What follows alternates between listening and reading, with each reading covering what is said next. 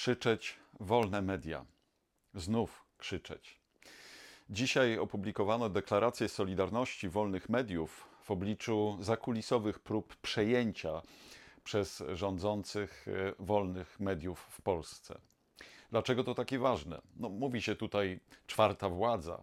Władza, która ma patrzeć na ręce pozostałym trzem władzom według e, słynnego podziału Monteskiusza.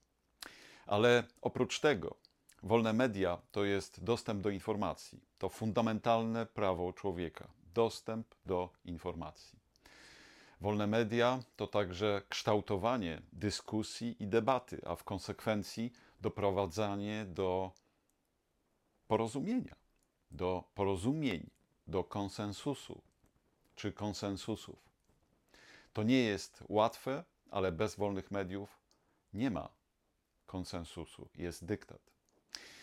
Poza tym, e, bez wolnych mediów nie ma także edukacji, bo wolność informacji, dostęp do informacji to także dostęp do edukacji. Dlatego tak ważne jest, żeby krzyczeć wolne media.